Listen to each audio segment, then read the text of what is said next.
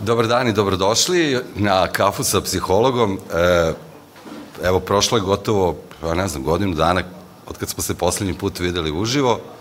Umeđu vremenu je to sve bilo online, tako da smo ovaj, mogli da nastavimo ovaj naš projekat i ove priče i ove razgovore, ali čini mi se da nam je svima nedostajalo ovako da se vratimo, pa ako je ovo povratak u tu normalnost, onda ajde da vidimo kako će to da bude.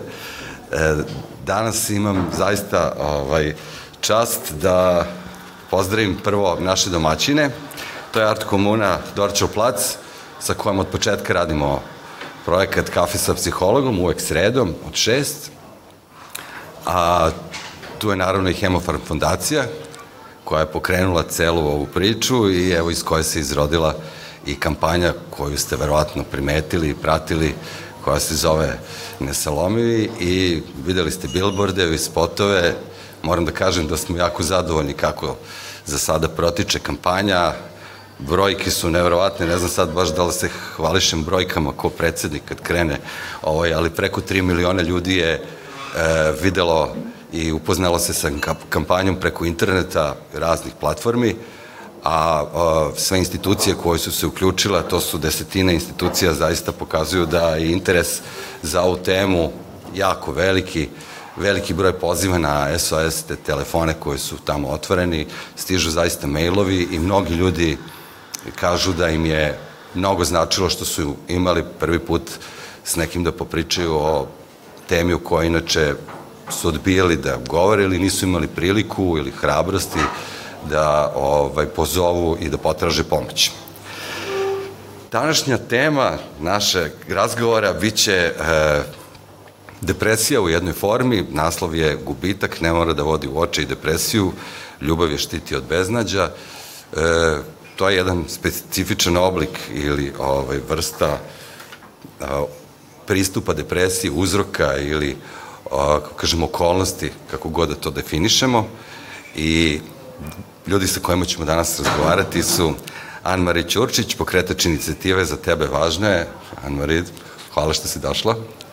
Ti si s nama i u projektu neselomovi.rs i dala si tu svoj doprinos hvaliti na tome. E, evo, verovatno prepoznajete Branku, ona je e, sad trenutno u Beogradu i ona će nam govoriti o svojim iskustvima sa depresijom. Glumica Branka Katić. Branka, hvala ti što si tu. Hvala vama. I čovjek koji je, ovaj, ako smo, možemo da kažemo da su ovi klipovi, odnosno snimci koje smo postavljali na YouTube, e, imali zaista veliki broj pregleda, jedan od najgledanijih je bio onaj kada, je, kada smo upravo na ovom mestu govorili o depresiji Aleksandar Dimitrijević, klinički psiholog, psihoanalitičar Međunarodnog instituta za psihoanalizu u Berlinu. E, Aleksandar, dobar dan, hvala. I ti si ovaj, sad trenutno u Beogradu, je li tako, je li to neki raspust, odmor ili... Pa odmor više nego raspust. Odmor, da. E, evo na početku da kažem da kako je to Aleksandar napisao u, u nekom uvodu ili blogu za ovaj današnji razgovor, a to je priča o smrti, o odlasku i je priča za koju niko ne može potpuno da se pripremi i uvek nas iznenadi. Moram da kažem, evo da smo tokom pandemije koronavirusa ponovo, mi se čini, i u medijima i u svakodnevnom životu ponovo počeli da razgovaramo o smrti kao nečemu što je postalo deo svakodnevice, kao vest u medijima. Najstrašniji oblik je naravno su brojke, to, je, to su oni brojevi koje svakog dana čujete koliko ljudi je preminulo i to je postala nekakva bezlična cifra o kojoj se govori svakog dana, ali ako samo malo više obratite pažnju na te vesti, shvatite da, da smo evo, živjeli u jednom periodu kada je smrt ili veća, pojačan broj ili pojačan, povećan mortalitet bilo nešto što s čim smo takođe morali da naučimo da živimo jednako kao i sa strahom od smrti ljudi oko nas, bliskih. I kao što rekao, teško možemo da se pripremimo za takav događaj i to je nešto što nas uvek zatekne.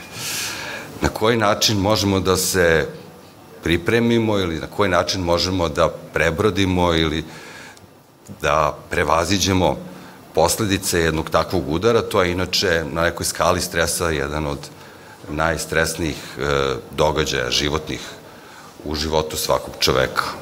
E, to je suočavanje sa beznađem, a isto tako i sa tom činjenicom da je smrt sastavni deo života. E, izbegavamo da govorimo o toj temi sve dok se ne suočimo s njom. E, evo za početak da dam reč Aleksandru, o, ti si dobro napisao, niko nas ne može naučiti i pripremiti za taj događaj, postoji nešto što je deo tradicije, što bi moglo da se kaže antropološki, što nas sprema, to su običaji, vera u izvesnoj meri, ali o, da li e, taj gubitak automatski e, postaje okidač za depresiju i da li možemo na neki način i kako da, kažem, da se pripremimo za takav događaj. Hvala Dragane, nadam se da me dobro čujete. Hvala na pozivu organizatorima i što se tiče ovoga što se dešava danas i što se tiče cele kampanje, ja i dalje imam utisak da je ona neophodna, da je situacija sa depresijom i depresiji i sličnim stanjima u Srbiji alarmantna, a izvora pomoći sve manje i da su oni sve uh, zagušeniji, da tako kažem, tako da mi se čini da je ovo nešto neophodno. Jako mi je drago, samo da kažem još i to pre što budem počeo, da na kafi sa psihologom, sa psihologom ponovo psiholozi nisu većina. Ja ću kratko, pošto pretpostavljam da, da će sve ono što će doći kasnije biti mnogo važnije.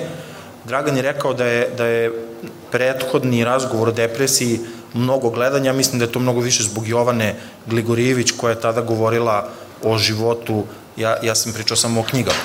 Znači, što se tiče gubitka i depresije, ja verujem i mislim da, da nauka ima jasne pokazatelje za to, da smo mi kao vrsta i većina nas kao pojedinci jaki da smo sposobni da prevaziđemo veliki broj problema, da smo sposobni da se izborimo sa ogromnim brojem a, životnih izazova i mislim da najveći broj gubitaka možemo da prevaziđemo ili samostalno ili uz nečiju pomoć bez mnogo problema.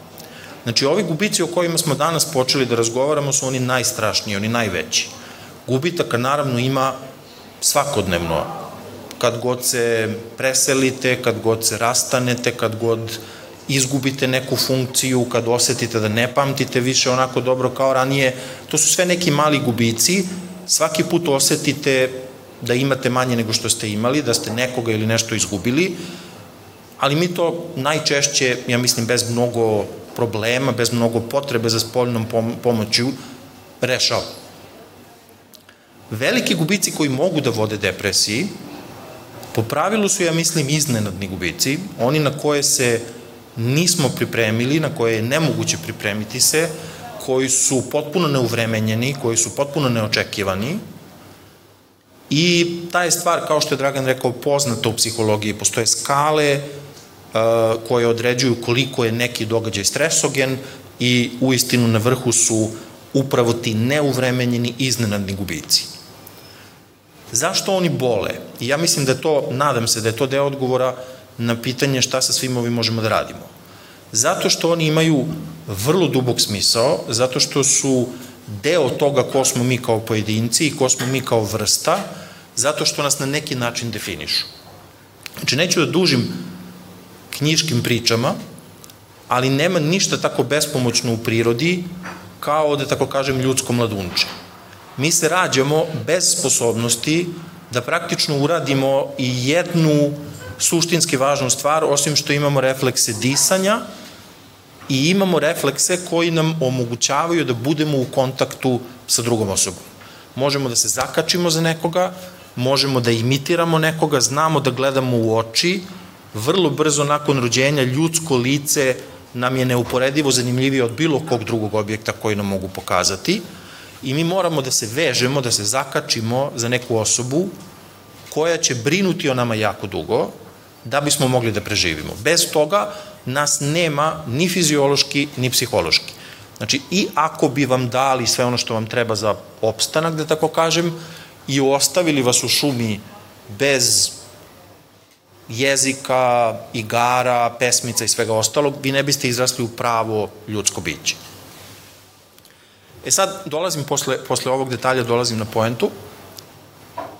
Ako probate da zamislite kako smo živeli pre 50.000 godina, 100.000 godina, u doba kad nije bilo tople vode, kad nije bilo vrtića, kad nije bilo pampers pelena i sve ostalo, biti roditelj je sigurno bilo užasno teško, broj deca je bio neuporedivo veći i zaštititi ih od grabljivica i omogućiti im da prežive je bilo sigurno užasno teško. Verovatno bi svako od nas danas, kao što su i mnogi pripadnici ljudske vrste tada, bio u nekom iskušenju da to potpuno zavisno biće negde ostavi, zanemari, zaboravi i prosto spašava svoju glavu i ide dalje. Da je tako nešto bilo moguće, nas danas ne bi bilo, ova vrsta ne bi opstala. Mi postojimo zahvaljujući tome što postoje te dve um, nekako uklopljene, a potpuno drugačije uh, stvari u bebama, neverovatan kapacitet za zavođenje, neverovatan kapacitet da učine da ih volimo i da želimo da brinemo o njima, uprkos tome što plaču, smrde i sve ostalo, i u roditeljima bol zato što smo izgubili nekoga koga smo zavoleli. Taj bol, ta bol, je opomena za to da sledeći put ne treba da dozvolimo da se tako nešto desi. I postoje neurofiziološki mehanizmi, neću vas gnjaviti time, koji u istinu pokazuju da mi doživljavamo veliku nagradu, da mi doživljavamo veliku sreću kad se naša beba smeje i da doživljavamo bol kada beba pati, da recimo majke razlikuju plač svoje bebe od bilo kog drugog zvuka na planeti, po tome što im anksioznost raste dramatično brzo. I to je mehanizam koji omogućava opstanak vrste i koji omogućava veze koje mi danas prepoznajemo kao porodice i druge vrste zajednica. Dakle, to je na izvestan način cena koju plaćamo za ljubav, to je, da tako kažem, tamna strana ljubavi, to je zašto ljubav boli. Ako nekoga izgubimo, taj gubitak obično boli. Ako gubitak ne boli, vrlo moguće da zapravo tu osobu nismo ni voleli uh, od samog početka.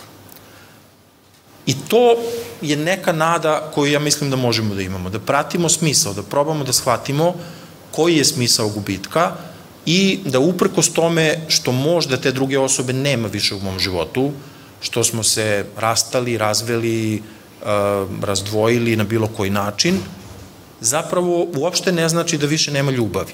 Onog trenutka kad to, kako psihoanalitičari vole da kažu, objekt ljubavi više nije tu, to uopšte ne znači da ljubav mora da nestane.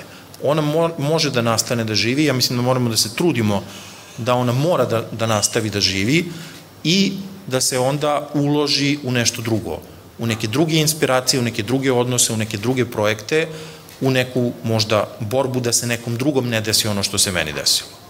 Ja ne bih dužio za početak, nadam se da, da sam pogodio odgovor na tvoje. E, hvala Aleksandre.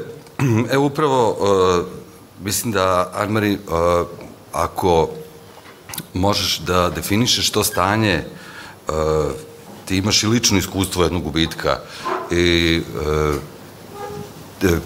Aleksandar je govorio o tome da je to zaista na skali stresogena apsolutno na prvom mestu.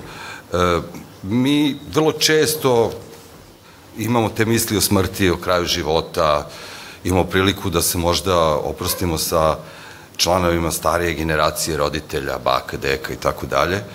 E, I svi smo se tokom odrastanja i suočili sa činjenicom i to onako i u psihološkom smislu smrtnosti i mogućnosti gubitka dragih osoba.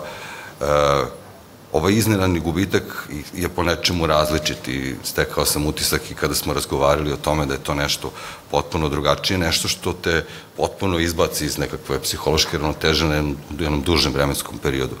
Pa bih voleo da u onoj meri u kojoj možeš da govoriš o tome kažeš e, šta se to onda desi u, u, u, sa tobom u takvoj situaciji.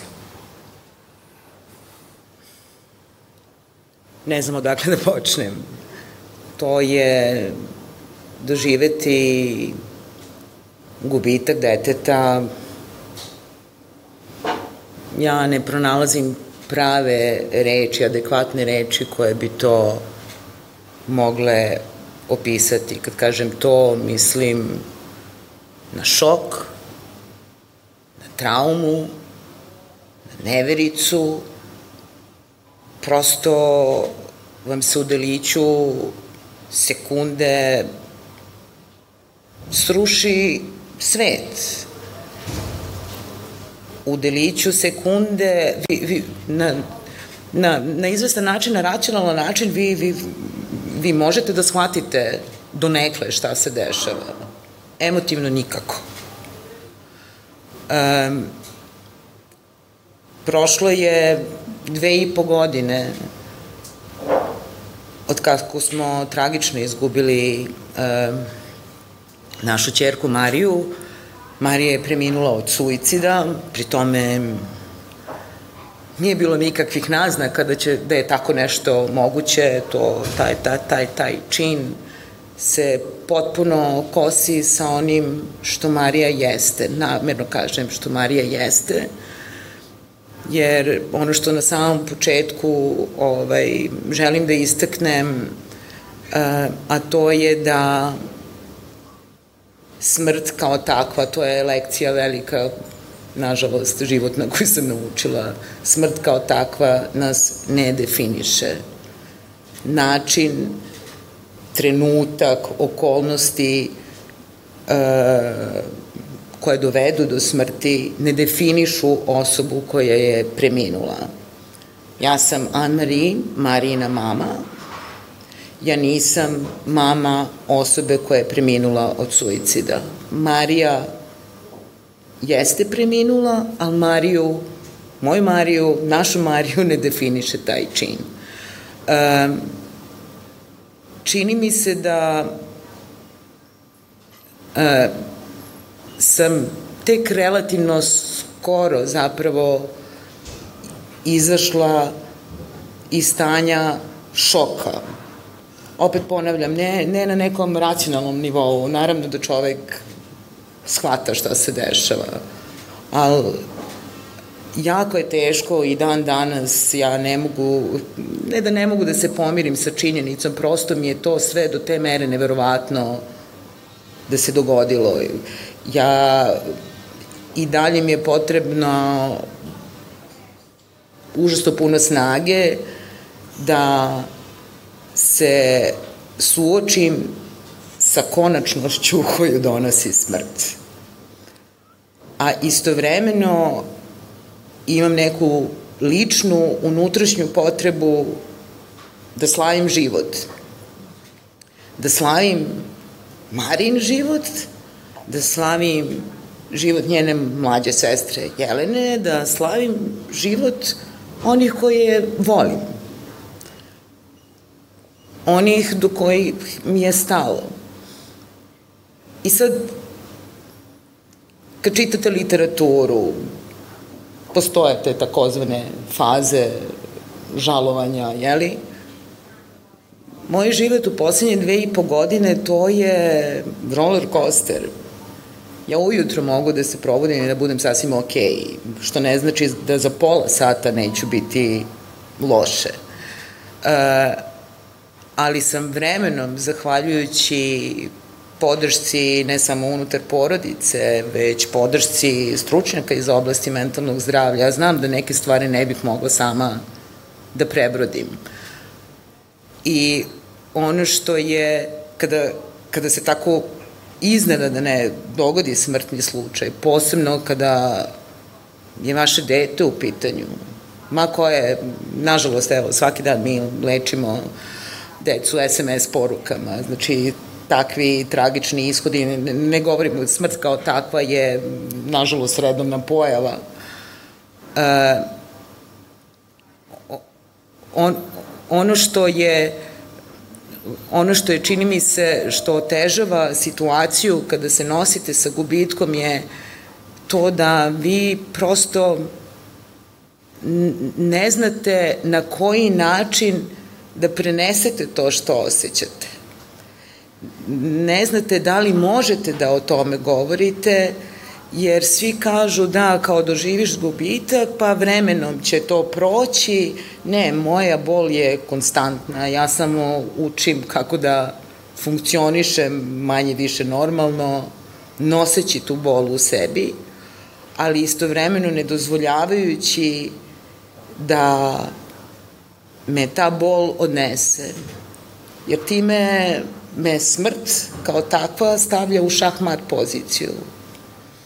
Ja to sebi ne mogu da dozvolim. Zbog Marije. Zbog sebe, zbog onih koje volim, dakle. Hvala ti, Anri.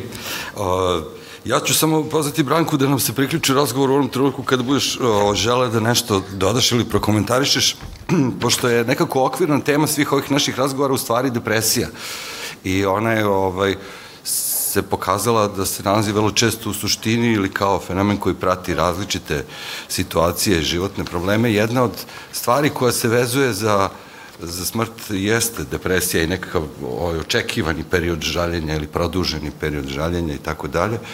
Ovaj, e, mnogi od nas, a pogotovo ovih poslednjih, e, mi smo se suočili sa depresijom kao fenomenom, o tome je Aleksandar govorio ti si, e, Branka, imala iskustva sa, sa depresijom porodici, tako da e, mislim da možemo da čujemo to tvoje iskustvo zato što mislim da je dragoceno jer ćemo da proširimo priču upravo na ovom porodičnom nivou. Anne-Marie govorila o toj podršci da li i kako ona može, da li ona bila dovoljna u slučaju uh, ovaj, e, depresije u tvojoj porodici. Da li ste uspeli nekako da se, da, da pomognete, na koji način ili kako si ti doživjela taj psihološki problem?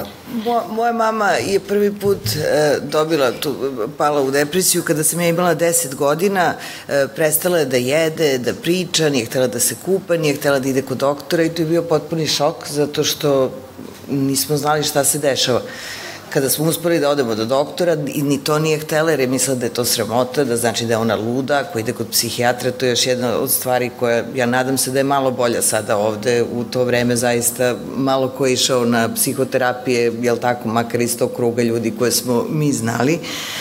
U našoj porodici, ja sam bila mala, a sećam da sam nekako, čini mi se jedina, umela da razumem da možeš da budeš jako tužan i da svet nekako nije savršen i nekako sam nekom žicom svog bića umela da, da se ne ljutim na mamu imala sam neke moje trikove i sve ono što je tipično za njenu vrstu depresije da u stvari hemijski disbalans i da su njoj lekovi zapravo neophodni i onda smo imali razne faze da je bila dobro pa da je opet bila depresivna ili da je bila u plusu ovaj, gde, gde je isto bilo naporno za porodicu. Moj tata, ja mislim da nikad nije priznao da mama ima depresiju. On je rekao, ma to je ona izmislila, to je njoj sve u glavi. Ja kažem, pa dobro, tata, možda jeste taj disbalans je u glavi. Ove, ovaj, moja sestra, na koju je celo domaćinstvo nekako palo, jer je devet godina starija od mene, je najpožrtvovanije bila nama odjednom mama, ali nekako i, i, mislim da i dan danas ima neku vrstu ljutnje na mamu zbog toga što se to desilo ja sam mislila da sam onda dobro prošla, da bih kasnije u životu na psihoterapijama na koje sam išla shvatila da sam zbog tog gubitka koji nije potpuni gubitak, nije tako strašan da sam imala osjećaj da, da me neko napustio, da u stvari nisam dovoljno dobra i da negde sam postala taj neki, kažu, young adult, znači da, da i dan danas volim da brinemo svima iz, iz valjda iz, ne znam sad, nema veze, sad proveravam da li to uopšte, ove, ovaj, da. E, I sad isto psihoterapija je nešto što ja volim da idem na psihoterapiju. Prvi put kada sam u Los Angeles otišla, odmah su mi bili ponuđeni lekovi.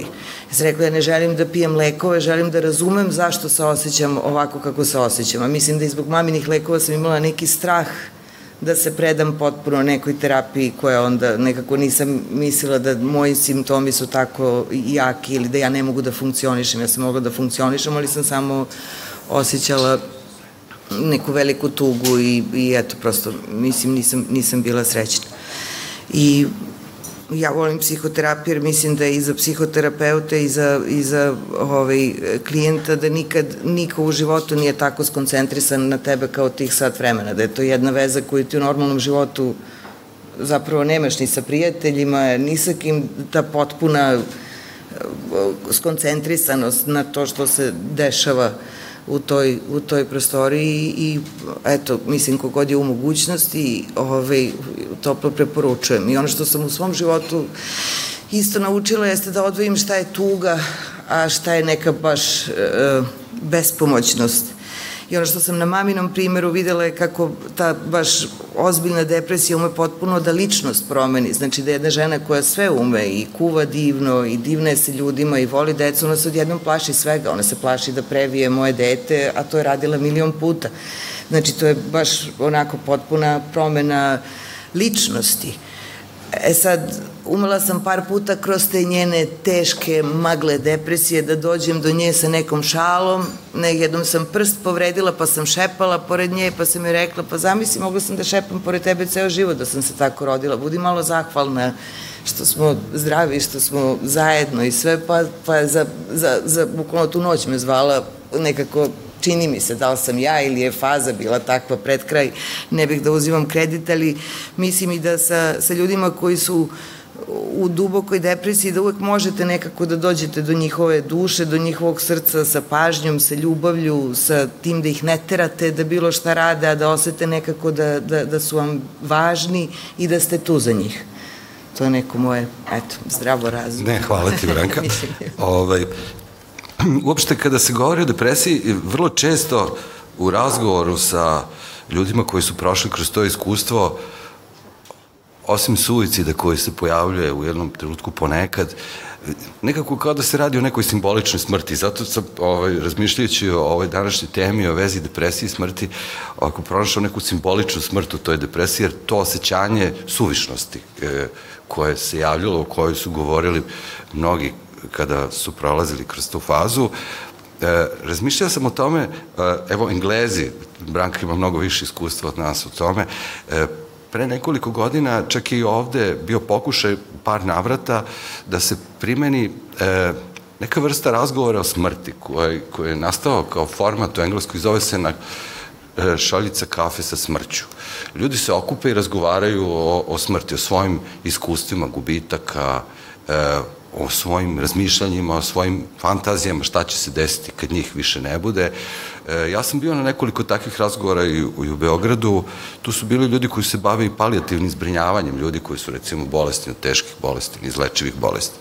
I bilo mi je vrlo zanimljivo kako se stvari u tim razgovorima u smrti razgovara o vrlo jednostavnim stvarima, o tome da ljudi koji recimo su bolesni, nalaze se u nekoj terminalnoj fazi kancera, razmišljaju o tome šta će biti sa njihovom decom, da li će se oženiti sin, da li će prodati vikendicu koju su oni ulagali 20-30 godina.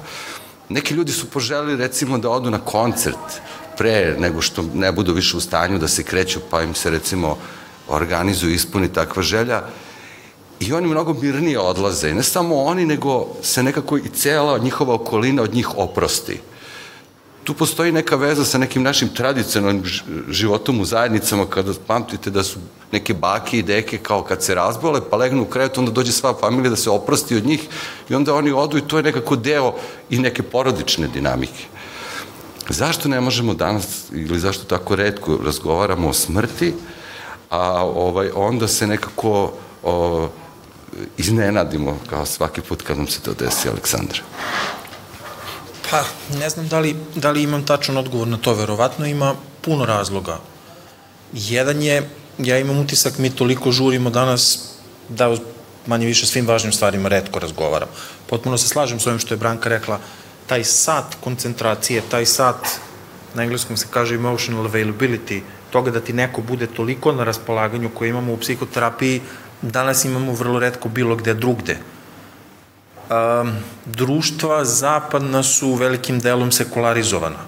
Mi smo na, na tom socijalnom nivou se odrekli rituala religijskih vezanih za smrt, a nismo uspostavili nikakve druge. Smrt je sada medicinski fenomen. Kako mi, laici, da o njemu razgovaramo? Um, verovatno ima još mnogo drugih razloga.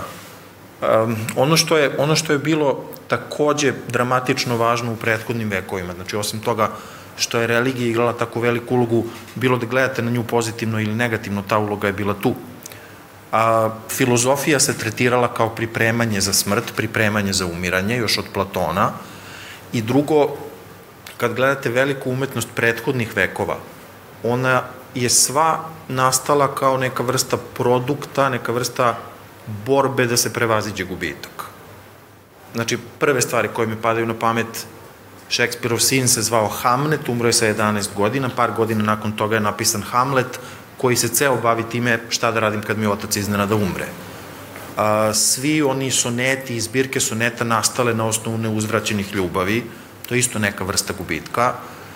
Sve ono što možete da čujete na kraju drugog klavirskog trija u osmom kvartetu Šostakovića je vezano za samoubistvo jednog njegovog prijatelja. Danas, ja mislim, takođe mediji, televizija i umetnost mnogo više insistiraju na happy endovima nego na tome da se suočimo sa, sa nečim što je teško. I Jalom kaže na nekoliko mesta u raznim svojim knjigama da on nije kod pacijenata, on se time, njega pominjem zato što se on time eksplicitno bavio, to je jedna od njegovih najvažnijih tema, on kaže da nije susretao veliki strah od smrti kod ljudi koji su živjeli ispunjene živote, kod ljudi koji su bili zadovoljni time šta su sve u životu doživeli, ja verujem prevashodno na nivou nekih smislenih, dubokih, ispunjavajućih socijalnih odnosa, a ne u smislu nekog uspeha, karijere i slično tome. Da li je to problem da smo se mi udaljili, otuđili i onda se osjećamo nedovoljno ispunjeno? Ne znam, pretpostavljam da ima, da ima mnogo razloga.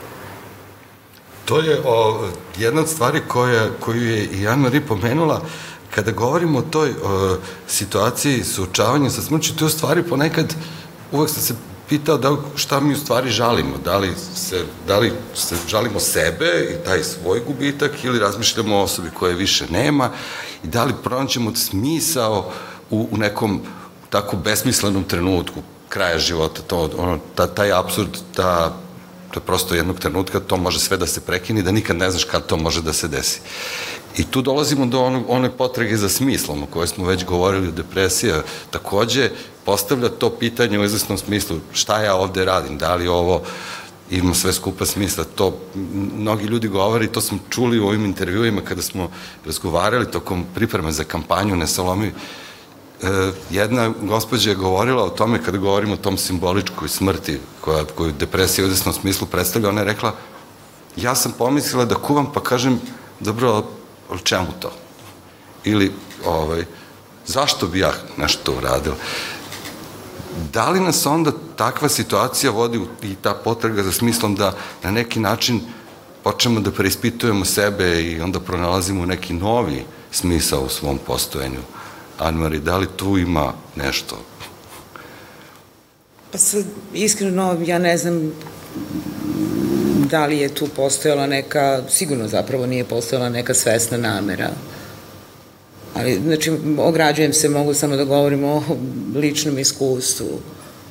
E, ono kako je tema i ljubav, ono što mene održava u životu jeste ljubav prema Jeleni, znači Marinoj mlađoj sestri, ljubav prema Mariji, da, i dalje, ljubav prema ljubav, ljubav kao takva, jer e, naravno da mi se dešavaju, imam ja faze kada mi nije ni do čega, kada se, kada prosto funkcionišem na, nekoj, na nekom autopilotu, kada se osjećam odvojeno od same sebe, kada sam naprosto samo funkcionalna. Da, ja ću otići na posao, odradit ću sve što treba, vratiti. Mislim, postoji ta neka rutina, ali da ja kao da sebe posmatram sa strane ono što znam, to je da taj gubitak me drastično promenio. To je tektonski poremećaj, ta vrsta traume. E, prolazim ja kroz depresivne epizode, no, upravo zahvaljujući psihoterapiji, e, kroz razgovor sa psihoterapeutom, kroz čitanje odgovarajuće proverene literature, naučila sam da izgradim te mehanizme i da prihvatim, zapravo to je suština, da prihvatim činjenicu, da, boli me, da, raspadam se, ne znači da ću se raspasti skroz, ne znači da ću dići ruku na sebe, daleko od toga, ali u redu je iako se raspadam. U redu je da to podelim sa onima koje volim. E, činjenica odnosno srećno okol, ne, ne, iskreno da budem, ne znam, ne znam da li bih danas bila, u, da li bih danas ovako govorila da nema Jelene. A ne, ne želim ni da razmišljam o, o, o takvoj opciji. I, i, i, i, i činjenica da sam mama dve predivne devojke me održava nekako, me čini funkcionalno, me održava u životu, ali sam istovremeno, ja se, mislim, ja sam tek relativno, relativno skoro, uh, odnosno pre nekih, recimo, nešto, sad je upisni rok, jeli, pre, pre, pre ovaj, uh, prošle godine sam se prvi put iskreno radovala celim svojim bićem, da to osjećam do koske, kada je Jelena prešla na budžet. Yes. ovaj, e, u smislu, šta hoću da kažem, da nošenje sa gubitkom, to je ono što što, što je komplikovano i zašto mislim da je, da je zaista ljudima potrebna pomoć profesionalca. Da vi shvatite da te neke lepe stvari koje mogu da vam se dogode ne umanju, da se ne osjećate krivim, da dozvolite sebi da se radujete. Možda to neće biti ista ona radost kao ranije, ali da imate pravo, pravo, to bez veze zvuče, ali da imate pravo i da se radujete. I, i, i da imate pravo da budete tužni i, i, i, i da je okej okay da tu svoju tugu pokažete uh, da se oslobodite straha da pokažete tu svoju tugu onima koje volite. Ja, ja znam, po, posle, mislim da je poprilično komplikovano kada se posmata ta relacija roditelj-dete, kada se dogodi takva tragedija. Ja znam, ja sam se jako plašila i dan danas postoji u meni strah da ne kažem nešto, ne učinim nešto, da ako mi krene žuta minuta, kad krene da me preplavljuje tuga, šta ako zaplačem pred Jelenom, kako će ona reagovati, jer ona je mlado biće u formativnim godinama, ne želim da je uznemirim svojim postupkom. I pokazalo se, ali to ne bih znala da nisam imala podršku profesionalca. Pokazalo se da da, time što se rasplačem pred Jelenom, dozvolim joj da me vidi tako, da prihvati da su i, i, i, i, i ta ne neprijatna meni je kad krene ta navala tuge to je meni to je meni užasno mislim ja ne mogu da vam opišem taj osjećaj kad imam kad mi se čini da me se pluća pune tugom evo i sad imam knedlu u, u, u grlu čim krenem da razmišljam o, o, o tome. Ali okej, okay. znam da se Jelen ništa neće desiti i time mi, zato mi je drag, i time joj šaljem poruku da ako se osjeća slično, ne mora ništa u krajnjoj liniji da mi kaže.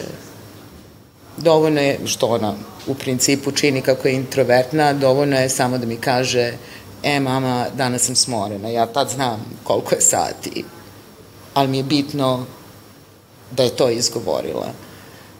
I posebno sad pravim onako, malo lutam u, u, u, u ovome, ali ono, ono što mislim da kada govorimo o gubitku uh, ma koje vrste, kada je porodica u pitanju, uh, bojim se da, da prosto kao društvo uvek je fokus na roditeljima. Kada dođe a nekako zaboravljamo srodnike, znači braću, sestre koji su takođe doživjeli gubitak, oni su nekako u senci bola, tuge roditelja. A pri tome, ja, ja, ja ne mogu ni da zamislim kako je, kako je moja Jeleni. Uopšte ne mogu da uđem u, u, u ja, ja, ja zaista ne mogu da zamislim kako je njoj. A pri tome je moj va, mali, ono, veliki herojčina. uh, hvala ti, sad uh, sam želeo da, evo, Branka, da li, kako si se ti nosila u životu sa tim gubicima? I da li, da li oni imaju neku, nekak, da li nalaziš vezu između njih i nekak, ili kao depresiju, kao reakciju na neki gubitak?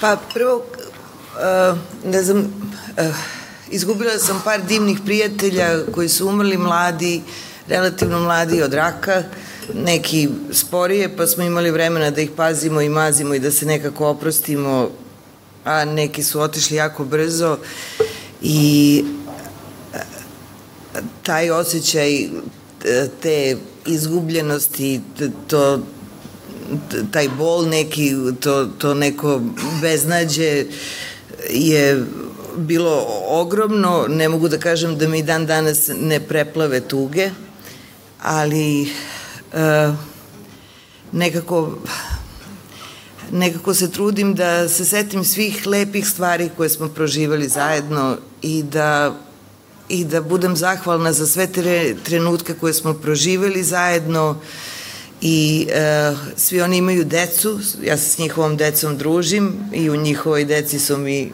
i oni. I najsrećnija sam kada mi nekad dođe u snove, pa nije to da mi nešto popričamo, nego ih vidim da se smeju ili nešto, nekako to čitam kao neke znake da je sve okej, okay, a zaista verujem da smo svi samo u nekim različitim ravnjima, nekako mislim da smo svi tu, samo nekad smo opipljivi, a nekad nismo, a, a, a mislim da ta ljubav koju E, koju osjećamo prema ljudima koji više nisu sa nama je jedini put. I, i, i, i slaviti sve to što jesu i sve to što smo s njima proživeli i nekako ih pustiti da putuju svoj put i verovati da ćemo se negde među zvezdama opet, opet zagrliti. To je, na, eto. Hvala ti.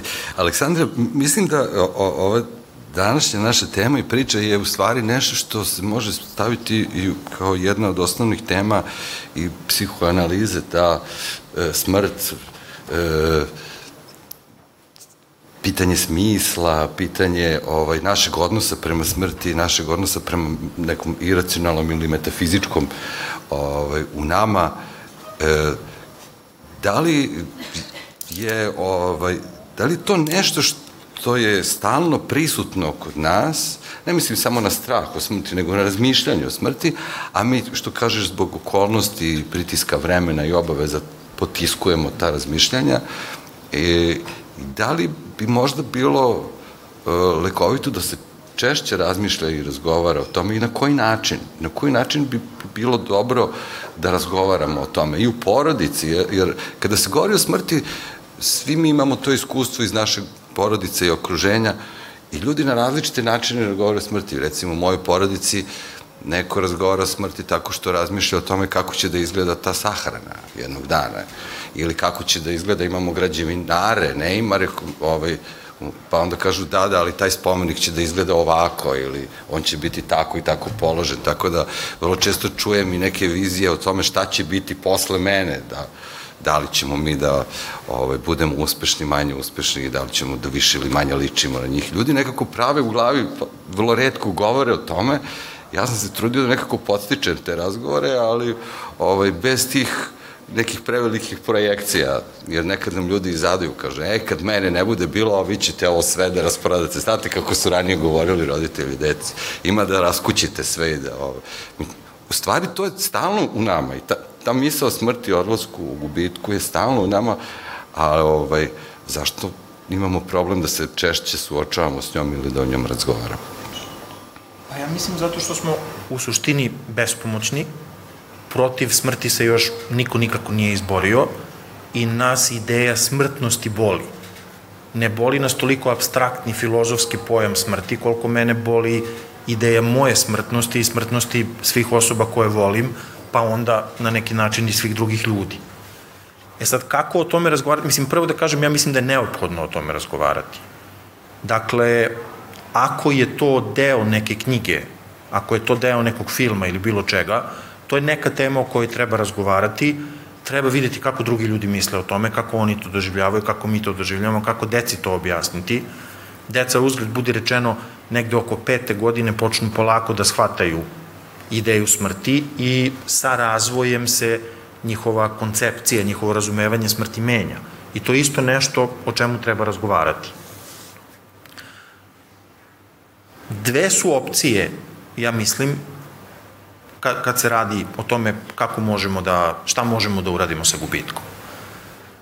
Jedna je ona koja, koja nas više zabrinjava u svetu uh, brige o mentalnom zdravlju, a to je situacija kada osoba ne osjeća akutnu bol, ne osjeća akutnu tugu, već osjeća neko opšte preplavljujuće osjećanje koje nije ni na koji način dovoljno specifikovano ili čak to sam, to sam prevideo da kažem, akutni bes na osobu koja više nije tu, u slučaju nekog raskida, romantične veze ili čak i smrti. I mi imamo vrlo često ideju da će čutanje pomoći, a ja nekako s godinama sve više verujem da čutanje nikako ne može da pomogne. Nekoliko istraživanja poslednjih godina pokazalo, na primer, da kad pitate unuke šta znaju o tome šta se dešavalo njihovim a, prethodnim generacijama tokom ratova, seoba, holokausta i tako dalje, uglavnom ne znaju ništa. I meni se to desilo sa nekoliko pacijenata i čitao sam dosta, dosta tekstova u poslednje vreme o tome. Ljudi misle da će time zaštititi svoju decu, što im neće reći kad ih je kako u životu nešto bolelo. A to je zapravo dramatično, ja mislim, to je dragocen način da vas vaša deca bolje upoznaju, da vas vaši prijatelji bolje upoznaju, da se veza koju s njima možete imati nekako pojača i produbi i mislim da to mora da bude deo, deo našeg života. Kao što sve drugo što je živo u prirodi umire, mi isto umiremo, taj dan će svakako doći i pretvarati se da ga neće biti, pretvarati se, zatvarati, zatvarati oči pred tim je potpuno besmisleno. Druga strana svega ovoga je, ja mislim, da gubitak može da nas podsjeti, da nam pokaže koliko su dramatično drugi ljudi važni za nas. Mi nekako živeći svoje odrasle živote zaboravimo koliko smo intenzivno i akutno voleli neke ljude kad smo bili deca, kako nam se to može ponoviti nekad u nekim stanjima akutne zaljubljenosti ili u nekim izrazito važnim prijateljstvima ili u roditeljstvu ili u braku, ali to su obično, ja mislim, u životima velike većine ljudi trenuci, incidenti, um, nepravila. A zapravo drugi ljudi, ljubav prema drugim ljudima je nešto što nam treba kao na ćelijskom nivou, kao što nam treba kiseoni, kao što nam trebaju minerali. To je nešto bez čega ne možemo da živimo i da preživimo. I ovi trenuci nas mogu podsjetiti na to koliko je nama to dramatično važno, jer mi volimo kao odrasli ljudi da glumimo neku nezavisnost, da ja to sve mogu sam i da ja to sve mogu bez drugih ljudi, a zapravo ne možemo. Zapravo bez drugih ljudi venemo, da tako kažem. I to može da, to je, to je, to je verovatno najbolja varijanta, najbolji ishod, da gubitak može da nas nekako inspiriše na to, da možda na drugi način, ali jednako i sa više svesti o tome, volimo druge ljude ili druge projekte ili nekakvo stvaralaštvo ili nekakvu borbu. I onda, kako da kažem, onda, onda o tome niti ima smisla ćutati, niti se može ćutati. Hvala ti, Aleksandre. Sada da pokušamo da pronađemo što više tih, ajde kažem, nepraktičnih rešenja, nema tu nikakvog priručnika, ali ovaj, Ana Marija, u kojoj meri su posao, prijatelji, okruženje bili podrška za uh, izlazak iz depresije ili za borbu protiv depresije? U ogromnoj meri to je, podrška je ključna. I kako izgleda, mislim, ko, ko, koje vrste je ta podrška? Dakle, da li je tu... Ove... Po, podrška prvo što se naše porodice tiče, ali se bojim da kad govorim o ličnom iskustvu, da činim, nažalost, da sam deo manjine. Posebno u slučajevima tako tragičnim kada se dogodi suicid, znači u startu ste izloženi stigmatizaciji. Naravno da i dan danas se, i mislim da je to prirodno da se pitam, mislim, nikad se neću osloboditi tog pitanja, da li sam mogla, šta, da li sam nešto propustila, šta sam mogla da uradim. I to svakodnevno, sa svakim jutrom ja se budim sa sa konačnošću koju donosi smrt. Znači, ne postoji način da to izmenim. I to je samo po sebi užasno. Bez podrške, bez razumevanja. Kad kažem podrška razumevanja, ne znači da neko, ne moramo mi nužno ni da pričamo, ali je dovoljno da znam da je taj neko, bilo član porodice, da su ljudi prisutni. I to je meni mnogo značilo. Znači mi i dan danas. Uh, ja, na, nažalost, tek sada shvatim, vrlo je teško iz perspektive kad želite nekome da pomognete. Mislim, smrt je tabu. Smrt je tabu. I sada i ranije, prosto imam godina koliko imam, dešavalo se prijateljima, premine roditelj, neki srodnik, šta god, da vi, i znam da ranije uopšte nisam uvek bila ja načisto na koji način, da li treba zvati? Pa kao, ako, ako zovem, šta treba da kažem? Kad, kad znaš da bilo šta, šta god da izgovoriš, to uvek postoji strah da li će ta osoba da razume to što želite da joj kažete u smislu da tu sam da ti pružim podršku, zovi kad, kad hoćeš. Uh, iz ličnog iskustva znam da u početku ja sam se zatvorila u sebe, izbegavala sam susrete sa, sa, sa meni dragim ljudima uh, iz prostog razloga što me to, to mi je svaki put bilo podsjećanje na ono što je nekad bilo i što više nikada biti neće. Uh, te, Branka je malo čas govorila o uspomenama, mene uspomene bole. Um, ja još uvek nisam u stanju da gledam porodično albume kada je Maki bilo malo. Me, me, užasno me boli. Ali znam da um, sam napravila neki iskorak u nekom pozitivnom smeru iz proste činjenice da kad, na primjer, neko od Marinih prijatelja podeli na društvenim mrežama zajedničku fotografiju sa Maki, da se ja ne raspadam, bude mi drago. Jer shvatim, jer vidim, u stvari dobijem dokaz koliko je prisutna ne samo u našim životima, nego u životima drugih, njenih prijatelja, poznanika i kad god dobijem poruku od mene potpuno nepoznatih ljudi, zateknem poruku u inboxu, samo da zna, zahvale se na grupi za tebe važno je i kao samo da znate, sa Makicom, ne znam, išli smo zajedno na pripreme za upis u filološku gimnaziju, Marija nije prošla, ja jesam, ali samo da znate da, da mi je ostala u sećanju. I to je ta, ta radost koju osetim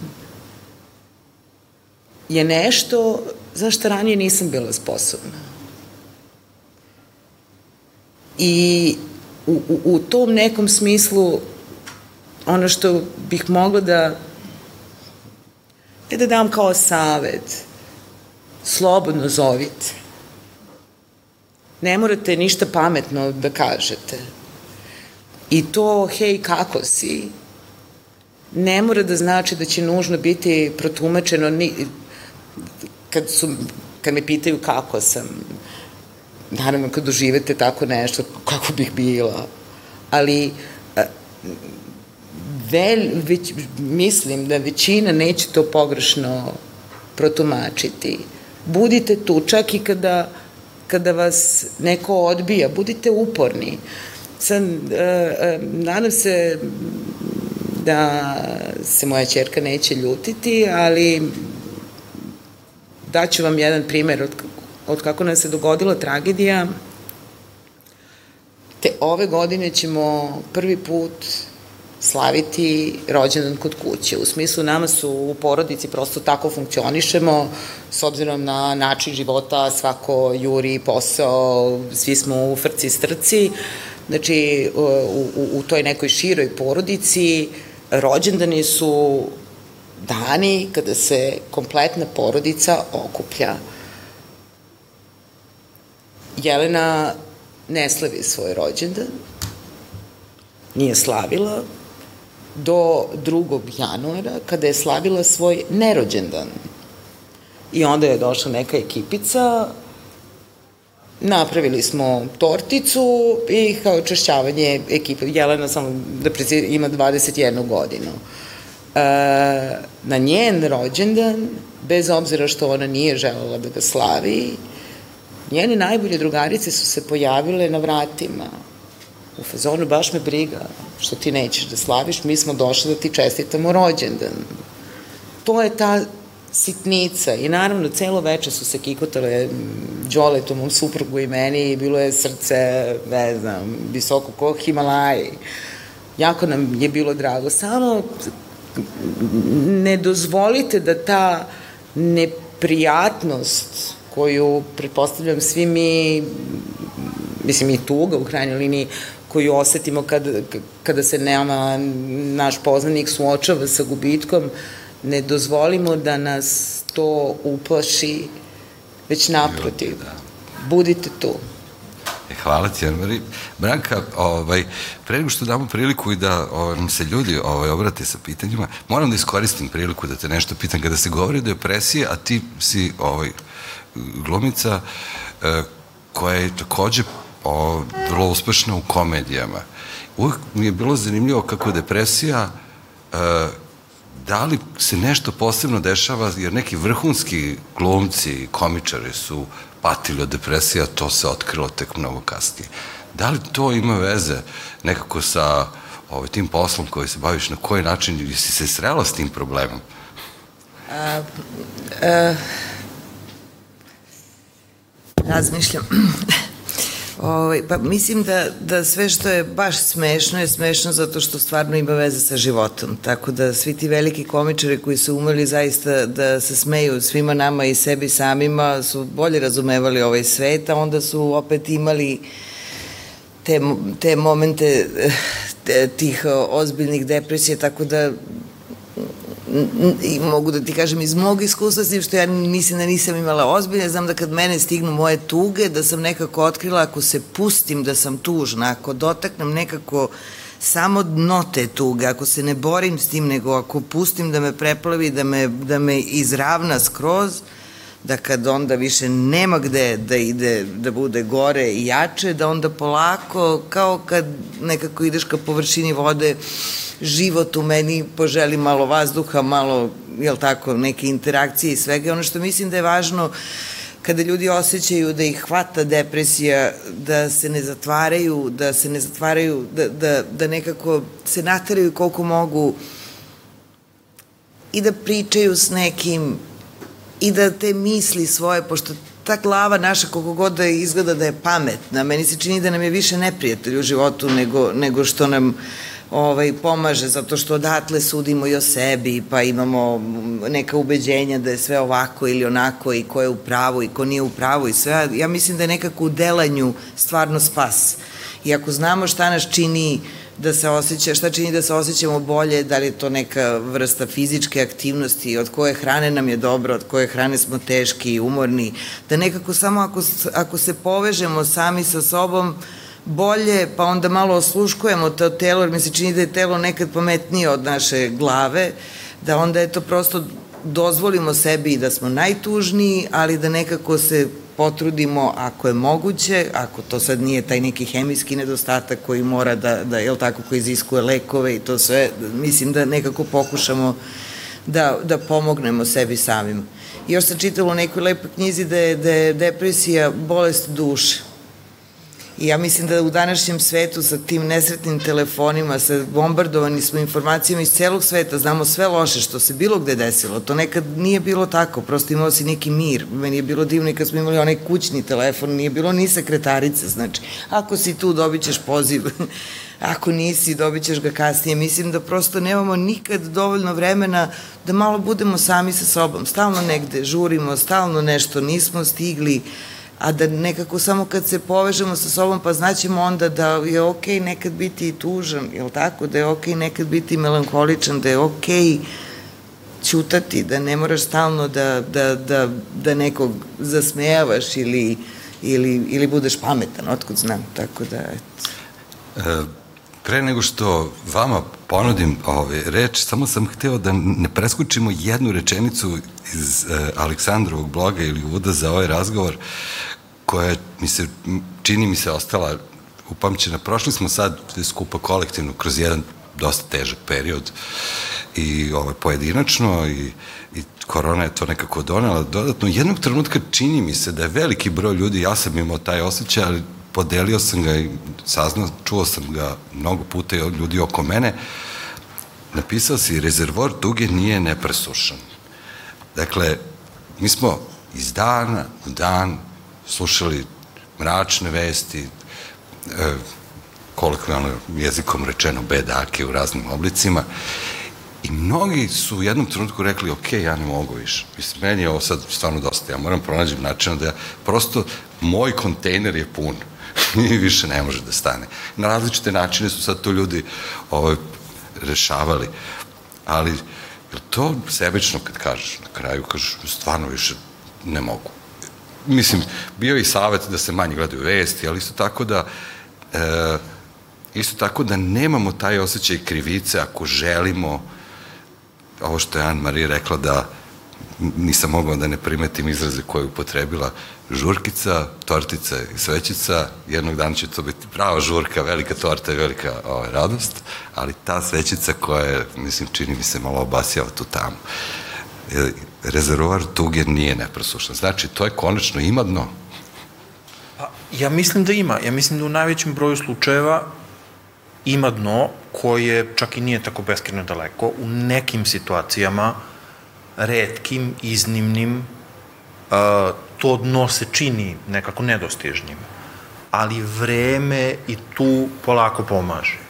Ima puno raznih drugih problema, da, stigmatizacija, da, krivica onih koji su ostali, krivica onih koji su preživeli, osjećaj da ako prestanem da tugujem, onda sam tu osobu konačno izgubio i tako dalje i tako dalje.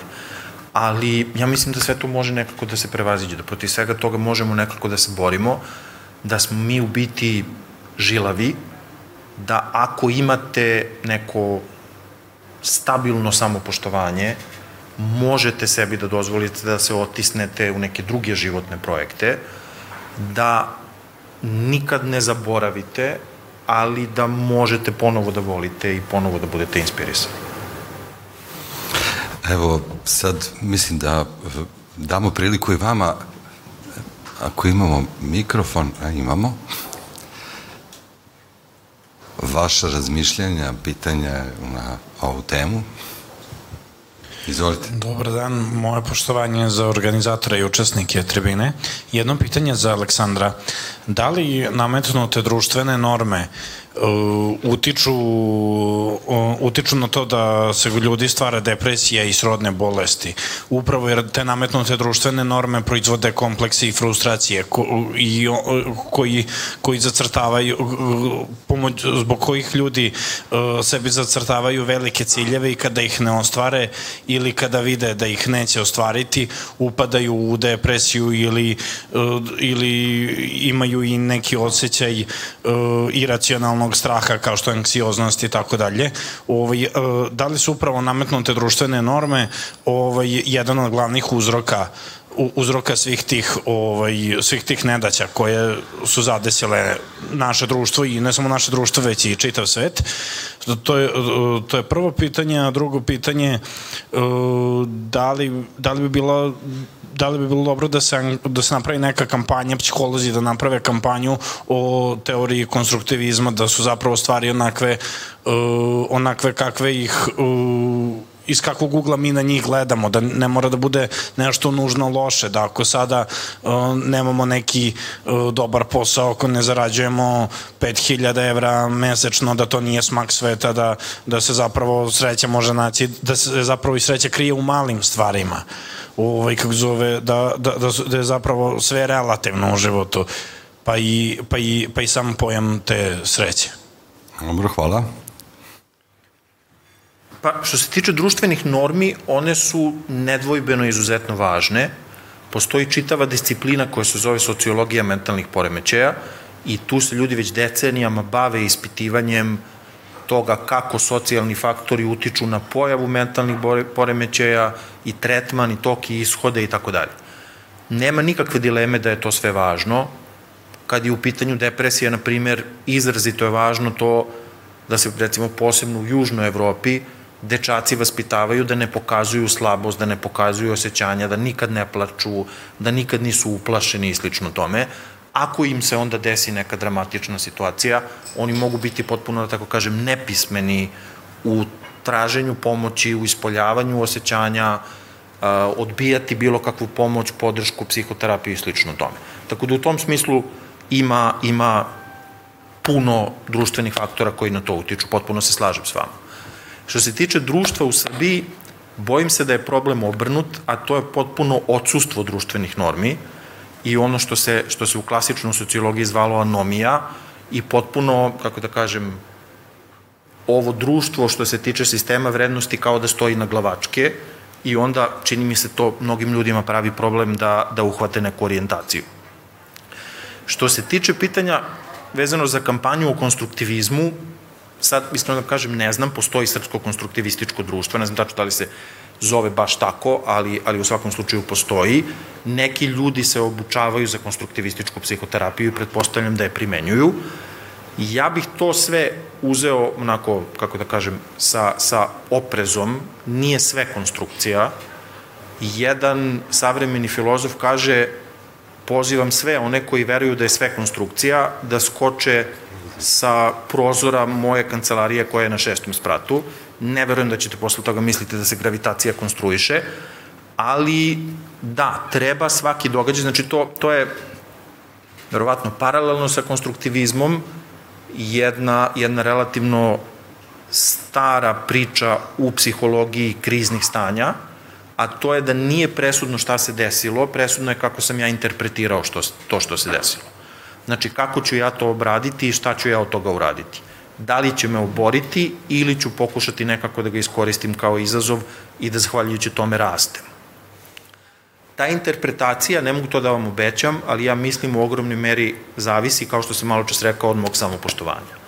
Ako verujem da imam neke alate u rukama, ako verujem da mogu drugim ljudima da budem koristan, ako verujem da drugi ljudi misle da vredim i da hoće da me podrže, verovatno ću u tome uspeti. Da li još neko želi da prokomentariše razgovor, ima neko pitanje? Izvolite. Evo, samo mikrofon ćete dobiti. Porodicu zadesi tragedija. Koliko je u medicini normalno da postoji vreme tugovanja, a posle toga da pređe u, u kako da kažem, sećenje na osobu koju su izgubili? Koliko je to, da li postoji podatak u medicini šta je normalno vreme tugovanja, a da posle toga počinju po, patologije, bolesti? U vreme kad sam ja bio student, u učbenicima je pisalo šest nedelja. Ja mislim da se u savremenim učbenicima to proširilo, odnosno produžilo na godinu dana, a ja lično mislim da je to sasvim individualna stvar i da u redovnim razgovorima o tome za svaku osobu treba utvrditi koliko, ili za svaku porodicu treba utvrditi koliko njima vremena treba. Nije ista stvar da li je smrt iznenadna ili je neko dugo bolovao pa onda umro, nije ista stvar da li je neko umro sa 85 godina ili sa 32, znači svaka porodica je za sebe. Izvinite, nisam vas čuo. O koroni, da, da. Da, izgubljena osoba u koroni. Ovaj, da, to činjenica da, da je ovaj, neko umro sad i u, u periodu pandemije, to takođe mislim da je ovo što, što smo učili na fakultetu bila nekakva, nekakva norma koja u suštini čini mi se ni, ništa ne znači, zato što e, možda neko može da meri, postoje i u tradiciji određeni ti periodi, znate, ono, 40 dana, 6 meseci, godinu dana, to je takođe imalo u antropološkom smislu neko zna, e, značenje i ljudi kada govore o tome, neki kažu da im je to bilo potrebno kao nekakav mentalni orijentir kao organizacija vremena, jer su se našli u jednom ovoj situaciji besmisla o kojoj smo govorili, pa onda ako imate nešto što treba da se desi za 40 dana ili za 6 meseci, vi ste nekako to svoje vreme ili tu budućnost počeli da planirate. Uh, hteo bih samo da dodam uh, jednu stvar na uh, ovaj komentar koji smo čuli od uh, ovog momka, uh, nedavno, odnosno takođe kada smo studirali, uh, jer tu smo ovaj, blisko studirali Aleksandar i ja, govorilo se o tome kako je društvo neurotično, kako, se, kako je društvo u kojem živimo, nekako neurotično društvo je bilo model te užurbanosti i tako dalje, pa danas se sve češće, to me sad iznenađuje zato što, ovaj, pošto sin studira psihologiju pa se sad pojavljuju nove teorije, mi smo sad došli negde u stanje kada se mnogi psihotični fenomeni, između ostalog i depresija, pojavljuju kao prihvaćeni normalni u društvu. Evo danas, u poslednjih godinu dana, mi smo mogli da svedočimo tome da su, recimo, paranoidne ideje bile vrlo proširene, da ste ih mogli čuti u medijima, da se depres, depresivne ovaj, pojave postale nekako prihvatljive, čak ono što mene plaši jeste da postoje i psiholozi e, koji veruju da neki elementi depresivnog ponašanja danas u sadašnjem ovakvom društvu u kakvom živimo, u haosu u kakvom živimo, mogu da budu adaptibilni. To je ono što je najstrašnije. Dakle, da vi danas, da biste opstali u društvu koje je u, u, u takvoj krizi, možete da kažete da je u redu da ne očekujete ništa, da ste emotivno ravni, da se ne bi razočarali, jer ako previše se nadamo ili previše očekujemo, bit će veće razočarenje, onda se javlja društvena apatija kao jedan fenomen koji vrlo često vidimo, tako da to je ono što možda nas zabrinjava da smo otišli možda kao društvo korek dalje u patologiju iz neurotičnog ka psihotičnog, ali to opet, ovaj, evo i današnja priča čini mi se potvrđuje da svako od nas mora da nađe način da odgovori na to pitanje smisla gubitka i depresije. Ja bih vam još jednom dao reč ako želite da se obratite i da li ima još neko pitanje ili komentar. E, imamo, evo. Kad prođe ta neka tuga i kad se vratimo ovaj, e, kako dati vrednost tom gubitku, kako ga osmisliti za dalje u borbi e, koju nastavljamo definitivno. Ovo vas pitam iz razloga što sam nakon nekog ličnog iskustva gde sam imala neki gubitak dobila tu smernicu kada sam potražila pomoć i nekako mi je to delovalo potpuno abstraktno kako sada da dam vrednost nekom gubitku pa me interesuju vaša razmišljenja na tu temu. Uh, pitali ste sve Da, Aleksandar je nešto govorio o tome kada je rekao da ono, to ta činjenica da, da patimo zbog nekog, da, da, da je to ovaj, znak da smo volili, da smo imali tu emociju i da možemo ne, da nastavimo. Da razumem pitanje i da, da, da, da razumem na što se misli kad se kaže koja je vrednost, valorizacija. ali ja mislim, da, valorizacija. Ali ja mislim da vam, da vam prosto, da vam je intenzitet bola neka mera toga koliko je to za vas bilo važno. Da, ali s jedne strane uh, imate tu potvrdu konačnosti, znači vreme vam tu uopšte nije saveznik, a s druge strane morate da se vratite nekako i dajete smisao verovatno sećanju i, i životu koji je življen, znači koji ste proživali sa osobom koju, viš, koju više nemate. I u tom smislu vaše razmišljanja, znači kako taj gubitak Ja mislim da nije toliko važno osmisliti sećanja koliko je važno osmisliti osjećanje i ne dozvoliti da ljubav umre uprkos tome što me je neko ostavio, napustio ili preminuo. Da osjećanja moraju da prežive i da njih moram da razumem i osmislim i onda ponovo nekud usmerim. Ono što je, na primjer, moje lično iskustvo i jeste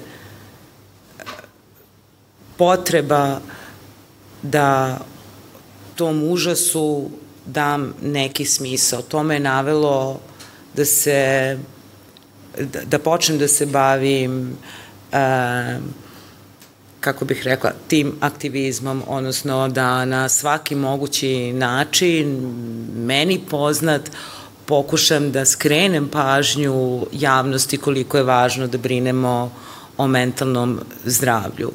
Jer, e, opet polazim od ličnog iskustva, ja vrlo sam brzo postala svesna da sam u celoj toj tragediji na izvestan način bila privilegovana, jer sam znala kome konkretno imenom i prezimenom da se obratim. To ne sme da bude pitanje sreće. Nedopustivo je da to bude pitanje sreće. I e, prosto neka moja vrsta odgovora odnosno moj pokušaj da dam smisao ja, ja sam po prirodi tako, meni treba svetlost u životu, ja ne mogu da živim u mraku. To, to, to se kosi sa, sa, sa onim što sam. I e, pri samoj pomisli, ako ono što radim kroz aktivizam, kroz, kroz tu grupu za tebe važno je, sama spoznaja da postoji mogućnost da pomognem jednoj jedinoj osobi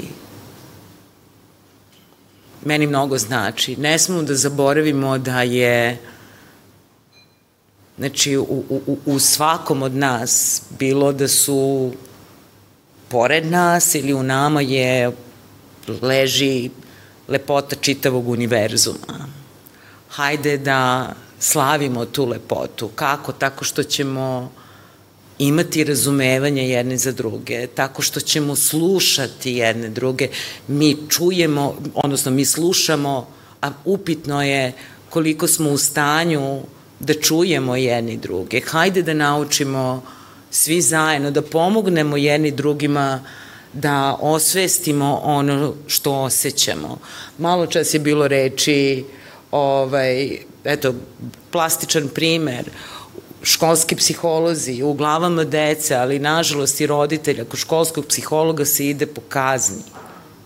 Ne zato što se školski psiholog ili pedagog percipira kao prijatelj, ne ideš po kazni. Ako ideš na psihoterapiju, to je, mislim, vrlo važan aspekt u svemu tome, ta stigma, ta, to more predrasuda koje postoje i dan danas. A pri tome, uh, živimo u sistemu kako živimo, ali ok, mislim, ne možemo da menjamo sistem od danas do sutra, ali hajde da vidimo šta svako od nas pojedinačno može da učini po tom pitanju. Ako je neko down, dozvolite mu da bude down. Kada vam neko kaže loše sam, nikome, mislim, većin, u, u, u, čini mi se, znači, ograđujem se, laik sam, ali e, niko većina ljudi to ne čini zato što eto želi da privuče nečiju pažnju. Ako ti kažem da sam loše, kažem ti zato, posebno ako si mi bliska osoba, kažem ti zato što imam poverenja u, u tebe, ne očekujem da ćeš ti meni da rešiš problem, ali samo me saslušaj. Razume, ne moraš ništa da mi kažeš, hajde da ćutimo zajedno. I da znam da, da, da, da, da, da, da osetim da imam tu, uh, tu emotivnu podršku koja mi je potrebna, a na nama, na okruženju je, ok, ako da podstičemo na razgovor, ako vidite da neko nije ok, budite uporni, budite dosadni, ali ne u smislu da menjate, pa sad kažete, e, sad to treba ovo ili ono. Malo čas je gospođa pitala koliko traje proces tugovanja. Ja mislim da, i tu se slažem sa Aleksandrom, da je to krajnje, krajnje individualna stvar. Ja još nisam izašla, to ne znači patologiju neku, ja ću tugovati celog života, ali kao što ima onih dobrih ilustracija, gubitak, pa imate onaj crtež, onaj, onaj, onaj krug ili onaj krater. Ono što vremenom naučimo, odnosno ono čemu se i dalje učim, to je da prihvatim da će ta praznina koju osjećam zbog gubitka večno biti tu. Ali da mogu da gradim čak ne ni preko tog ambisa, dovoljno je da gradim neke niti pored i svaka ta nit je užasno bitna, ali ukoliko nailazite e, na, na komentare tipa ok, prošlo je 40 dana ili 6 meseci, sad bi trebalo to i to, zato što je to neka tradicija ili sve to. Ja još uvek nisam um, Marine stvari i dalje stoje u kutijama, ja još nemam snage da ih otvorim, iako je odmah u startu bio dogovor ono što njena sestra, ne, nešto će sačuvati njena sestra, neke njene prijateljice, da ćemo ostatak donirati. Ja nemam kapacitete da se sa tim suočim i okej. Okay. Ne želim da se osjećam krivom zbog toga činite, mislim, moramo se osluškivati, svako mora da osluškuje sebe pre svega, ne, i ukoliko mu je teško, da se ne libi da potraži pomoć. Eto. E, hvala. Anne-Marie, evo imamo još jedno pitanje, komentar. Na, moje pitanje je kratko. Kako da prepoznamo gde prestaje tuga A gde počinje depresija? Kako to kod sebe da prepoznam? Aleksandra, tebe gledam. Pa, ja ne bih bio iznenađen kad bi se ispostavilo da ogroman broj ljudi to kod sebe ne može da prepozna, da su te razlike fine, a proces dug, tako da ta, da tako kažem, crvena linija koju u nekom trenutku pređete, da je nije lako prepoznati. Ja sam pokušao malo čas da ponudim nešto vrlo opisno, a to je čini mi se ta razlika između toga da li me akutno boli i onda nekako vremenom se desi da počne da me boli manje, ili je to neka tupa bezvoljnost, nemogućnost da uživam u bilo čemu, nemogućnost da poverujem da nešto vredim, koja nekako nema taj kvalitet da se nešto menja i da nešto prolazi. Nije depresija ako tuga nešto radi, ako se nešto u meni odvija, a može biti depresija i može postati depresija ako sam nekoga ili nešto izgubio, i ono što se posle toga dešava je jedan ogroman osjećaj praznine i zapravo odsustvo mogućnosti da akutno, aktivno patim zbog toga. Ne znam da li vam ovo nešto znači Dobro je, mislim, dobro je i kada boli i da, osjet, da, da se ta emocija da, polje. Ono, tupelost je ono što je, čini mi se, prvi znak i naravno ona nas onda blokiraju i u formiranju drugih veza, kontakata, odnosa. Mislim da možda je teško povući tu liniju, ali ali to osjećanje o kojem su govorili ljudi koji su prošli kroz iskustvo depresije, to je nešto što je potpuno različito od tugovanja i prepoznaje se kao jedno mnogo, mnogo ozbiljnije stanje. E, hvala vam što ste bili danas sa nama, posebno bih hteo da se zahvalim mojim e, današnjim sagovornicima. Mislim da smo ovaj, razgovarali veoma iskreno i duboko i moram da kažem da je ovaj prvi susret uživo nakon ove duge pauze bio jako katarzičan i hvala vam na tome i tebi Anmari, i tebi Branka, i tebi Aleksandre. E, mi ćemo se viđati još, nadam se, uživo i dalje. E, hvala vam, budite dobri i evo ova naša poruka je zajedno možemo, možemo sve, možemo da pobedimo i a, ova naša kampanja Ne Salome upravo govori o tome, dakle, možemo da potražimo pomoć i možemo da se okrenemo oko sebe, tako da sve skupa čini mi se ima, ima, veoma ima smisla. Hvala vam svima još jednom.